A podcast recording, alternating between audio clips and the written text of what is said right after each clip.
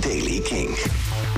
Vandaag opnieuw een zonnige dag. In het noorden is er wel wat meer bewolking. En die bewolking komt later in de middag over heel Nederland. Temperatuur 18 graden op de Wadden, 23 in het zuiden. Vandaag nieuws over de Rolling Stones, Unmute Us, Nirvana. Dit is de Daily King van woensdag 25 augustus. Michiel Veenstra. Charlie Watts, de drummer van de Rolling Stones, is overleden. De Stones kwamen met het volgende statement. It is with immense sadness that we announce the death of our beloved Charlie Watts. Hij was een cherished husband, father and grandfather... and one of the greatest drummers of his generation. Hij uh, had vorige week al aangekondigd dat hij niet mee zou gaan met de komende Stones Tour.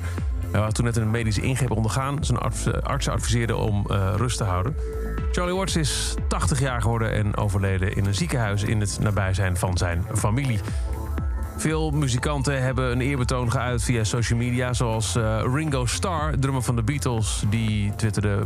God bless Charlie Watts, we're going to miss you man. Peace and love to the family, Ringo. Paul McCartney sprak het volgende in op Twitter. So sad to hear about Charlie Watts, Stones drummer, dying. Um, he was a lovely guy, and um, I, knew he was ill, but I didn't know uh, he was this.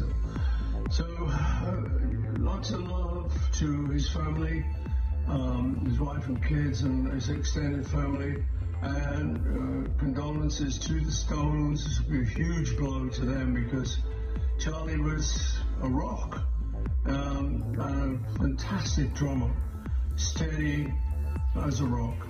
Anyway, so love, love you, Charlie. I always loved you. Beautiful man, and great condolences and sympathies to his family. Paul McCartney. Uh, ook bijvoorbeeld een Tom Morello die liet weten via Twitter... rock and roll would not be rock and roll without the rhythm, the style, the vibe of this incredible musician. Rest in peace, Charlie Watts, one of the greatest and most important architects of the music we love. Gisteravond op Kink draaiden we tussen 10 en 12 de beste muziek van de Stones. Maakte Tim op het broek een special over Charlie Watts. Die special kun je beluisteren via de Kink-app en op kink.nl.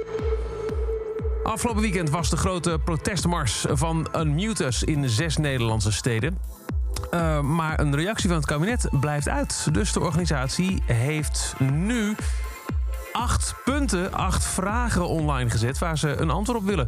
Waarom mogen festivals pas vanaf 20 september open? Potentieel, een week voor het einde van het seizoen. Wat zijn de argumenten om niet op 1 september open te gaan?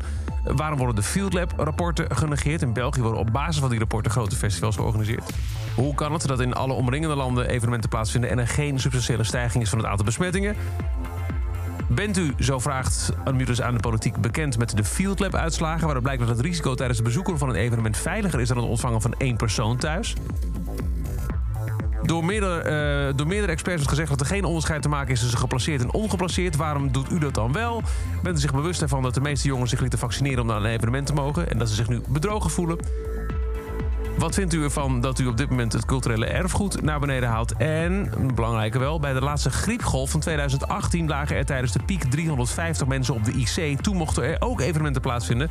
Waarom neemt u een dergelijk getal niet als criterium voor het openen van de evenementensector? Acht vragen van de Unmuters-organisatie aan de politiek. En dan Spencer Elden. Hij is de man die als baby staat afgebeeld op de voorkant van Nevermind van Nirvana. En hij klaagt de overgebleven bandleden nu aan en de nalatenschap van Kurt Cobain voor seksuele uitbuiting van kinderen. Ja, kinderporno. Daarvoor wordt uh, Nirvana nu aangeklaagd door Spencer Elden. Hij beweert dat hij nooit toestemming heeft gegeven voor de afbeelding... omdat hij slechts vier maanden oud was. En dat bijvoorbeeld ook beloofd was destijds aan zijn ouders... om zijn geslachtsdelen te bedekken met een sticker, maar dat is nooit gebeurd. Hij wil nu, 30 jaar later, van elk bandlid 150.000 dollar... en in het geval van Kurt Cobain van de nalatenschap van de overleden zanger. Volgens uh, de juridische stukken zou hij blijvende schade hebben gekregen... omdat hij bijvoorbeeld uh, emotionele stress heeft... Uh, last heeft met de normale ontwikkeling en educatieve vooruitgang... maar ook al levenslang verlies van inkomsten... en verlies van vroegere en toekomstige lonen gedekt wil zien. Tot zover deze editie van de Daily Kink. Elke dag een paar minuten bij met het laatste muzieknieuws en nieuwe releases. Niks missen? Luister dan dag in dag uit via de Kink-app, kink.nl of waar je ook maar naar podcast luistert. En voor meer muzieknieuws check je elke avond om 7 uur de avondshow van Kink, Kink in Touch. Elke dag het laatste muzieknieuws en de belangrijkste releases in de Daily Kink. Check hem op kink.nl of vraag om Daily Kink aan je smart speaker.